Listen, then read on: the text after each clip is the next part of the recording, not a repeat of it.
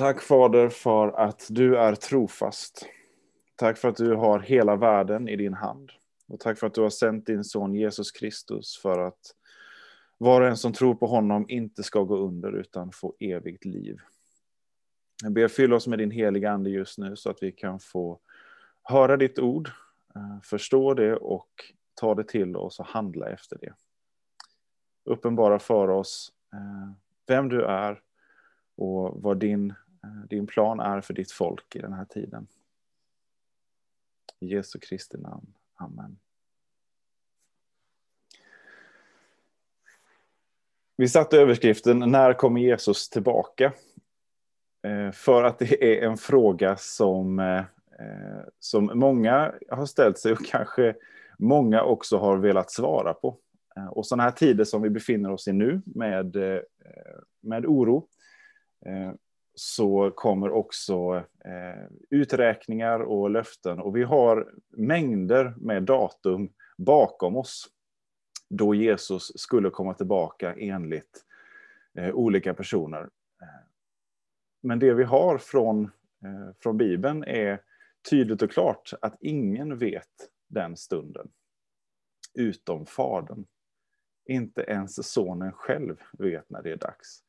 Så av allting som, som ändå är uppenbarat på något sätt, det här är ändå omnämnt, så är det ändå det kanske som är mest fördolt när Jesus kommer komma tillbaka. Så du som har eh, klickat in här för att få svar på just den frågan kommer inte få ett svar eh, som innebär ett datum eller eh, i tid när det är dags. Eh, men jag tror att det finns andra viktiga svar som, eh, som svarar ändå på den frågan. När kommer Jesus tillbaka? Och frågan är varför vi vill, vi vill veta. Eh, antingen så är det för att eh, eh, man längtar eh, och eh, kan inte bärga sig eh, till att, att få möta sin herre och sin skapare. Eh, eller så är det för att man är ett kontrollfreak och jag vill, jag vill ha koll på allt. Eh, eller så kanske det är just för att man vill att det dröjer. Jag vill ju hinna med så mycket eh, annat först oavsett så är det inte vår sak att, att veta när det är dags och att ha eh, kontroll. Däremot så är eh, Gud mån om att vi håller den här tanken levande. Så frågan är inte felställd, Eh, men vi kanske förväntar oss fel svar på den ibland. Eh, och vi ska också dra öronen åt oss när någon kommer med eh, ett svar som, som innebär en dag eller ett, ett datum Just för att det är så tydligt inte alls är vad, vad Bibeln ger. Men Jesu återkomst är otroligt centralt.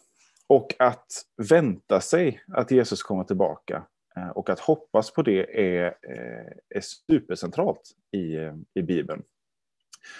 Genom hela Gamla Testamentet så, så har vi löftet om den dagen då, då Gud ska ställa allting till rätta, då han ska göra slut på ondskan. Herrens dag omnämns den ofta och väldigt ofta som Herrens dag, den fruktansvärda.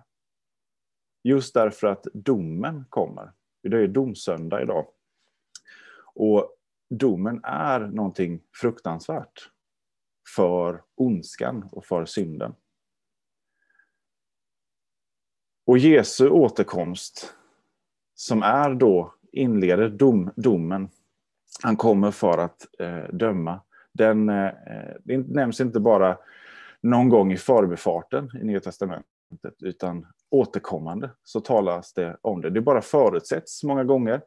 Eh, och, eh, och många ställen som också talar om vad, eh, vad som kommer att hända. En hel bok, Uppenbarelseboken, som på ett väldigt fördolt sätt eh, talar om, om den sista tiden innan han kommer tillbaka och vad som händer vid hans återkomst. För att vi uppmanas att hålla det här hoppet levande. Eh, jag ska läsa från första Thessalonikerbrevet där Paulus skriver till församlingen i Thessalonike. Eh, ett av de absolut tidigaste eh, breven i Nya Testamentet. Där står det så här i kapitel 3, eh, vers 12 och 13. Må Herren låta er växa till och överflöda i kärleken till varandra och till alla människor, så som även vår kärlek till er gör. Så att han styrker era hjärtan och gör er oförvitliga och heliga inför vår Gud och Fader, när vår Herre Jesus kommer med alla sina heliga. Där skriver Paulus till en, eh, en församling som har det här hoppet väldigt levande.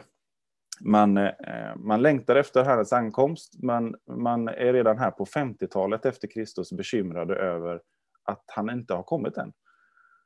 Eh, det har ju gått 20 år nu sedan himmelsfärden. Det börjar, det börjar kännas länge. Och man oroar sig för vad händer med dem som, eh, eh, som hinner dö nu?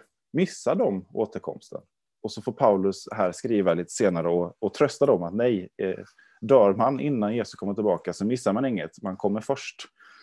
Eh, men här är, är, hoppet om återkomsten levande.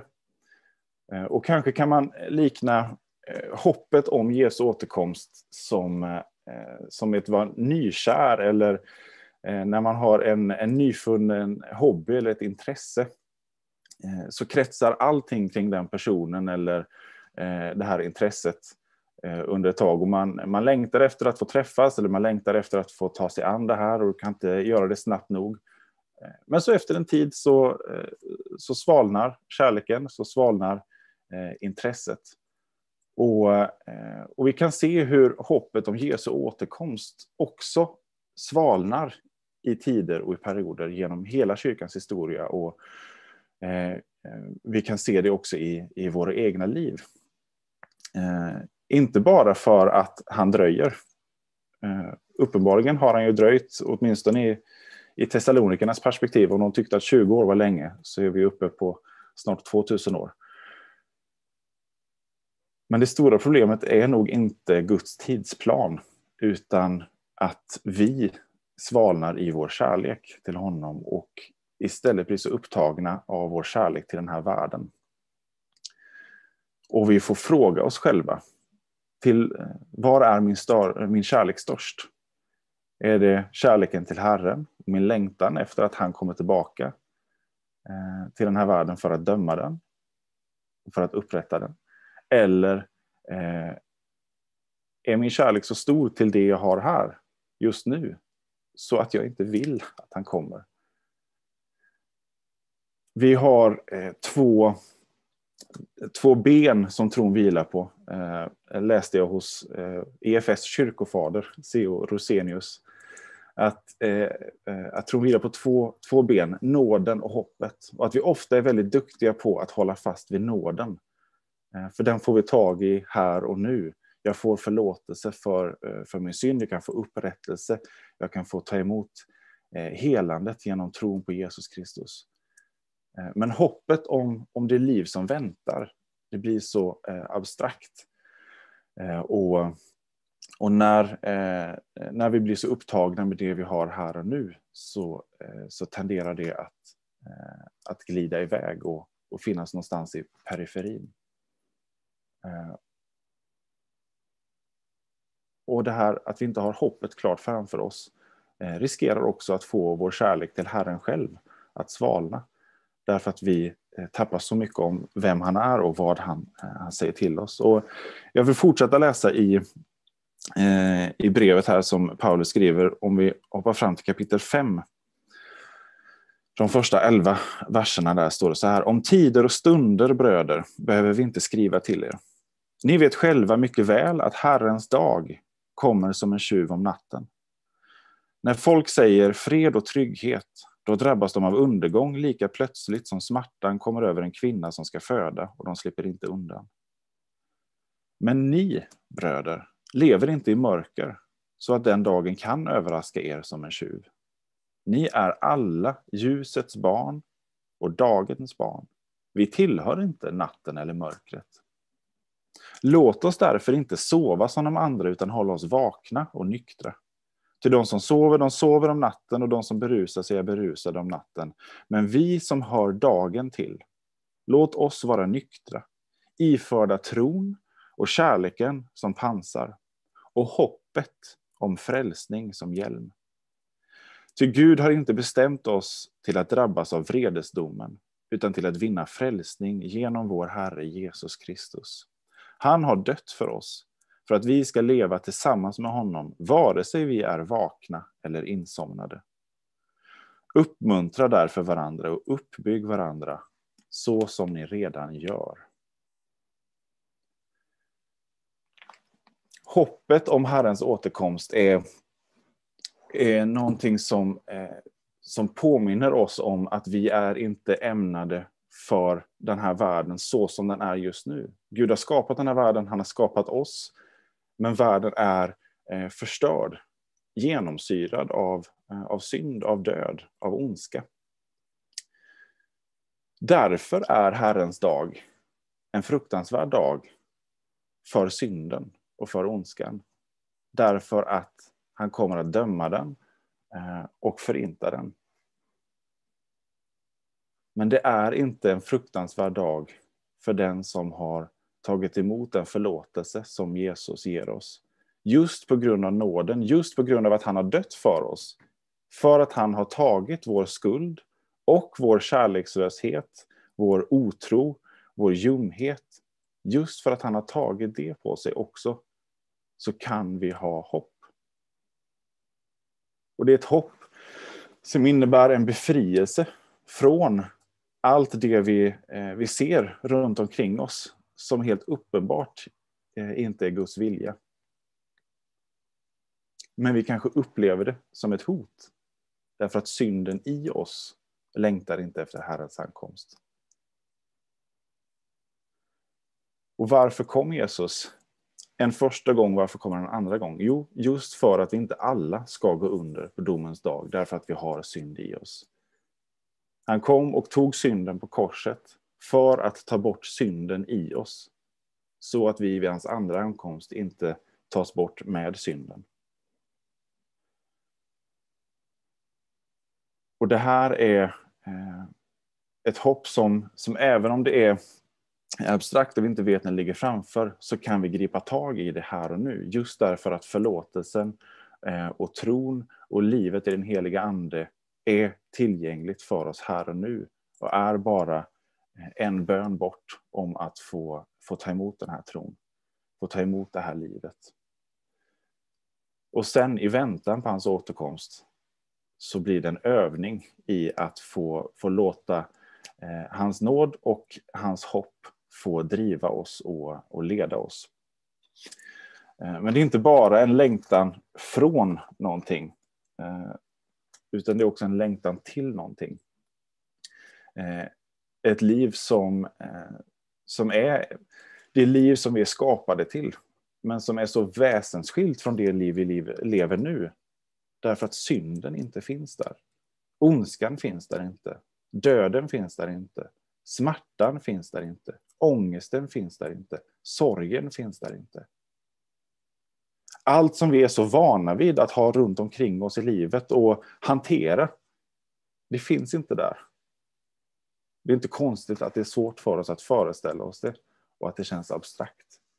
Därför är det så viktigt att vi påminner oss om att den dagen kommer.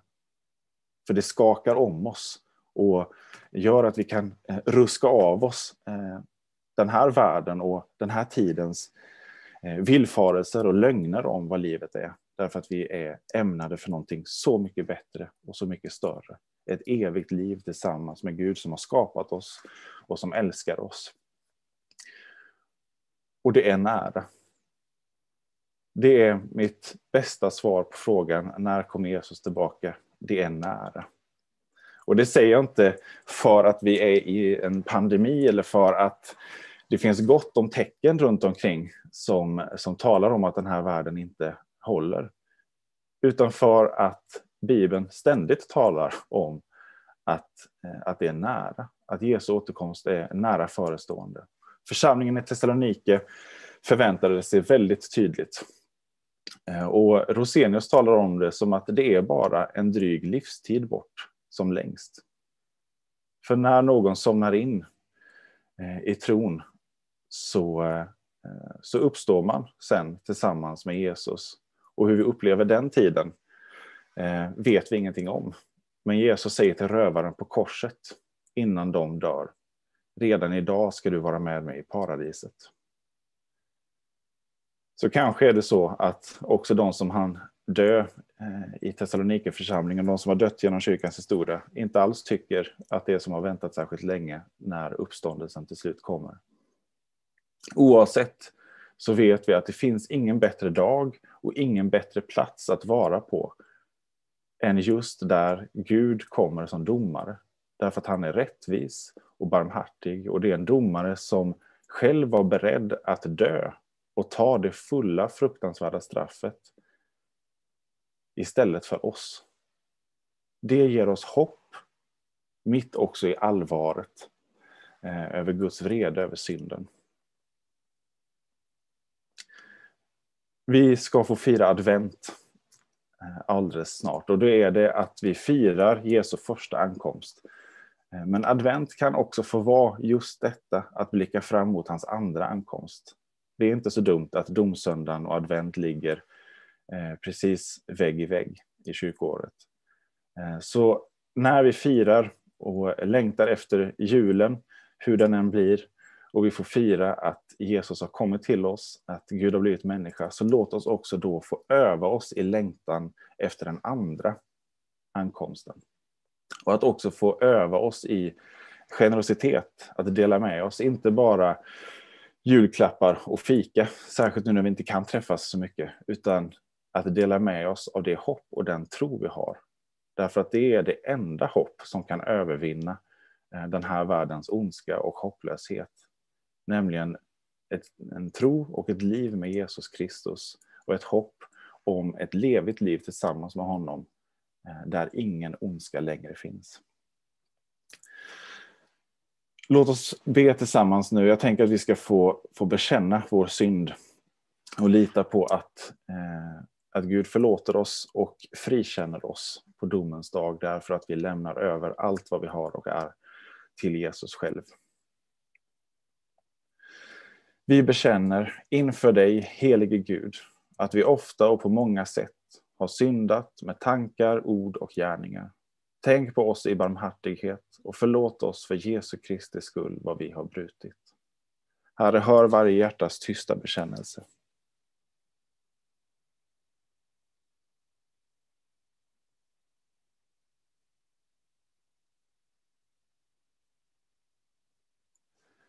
Till dig som ber om förlåtelse för din synd säger jag på Jesu Kristi befallning. Du är förlåten i Faderns och Sonens och den helige Andes namn.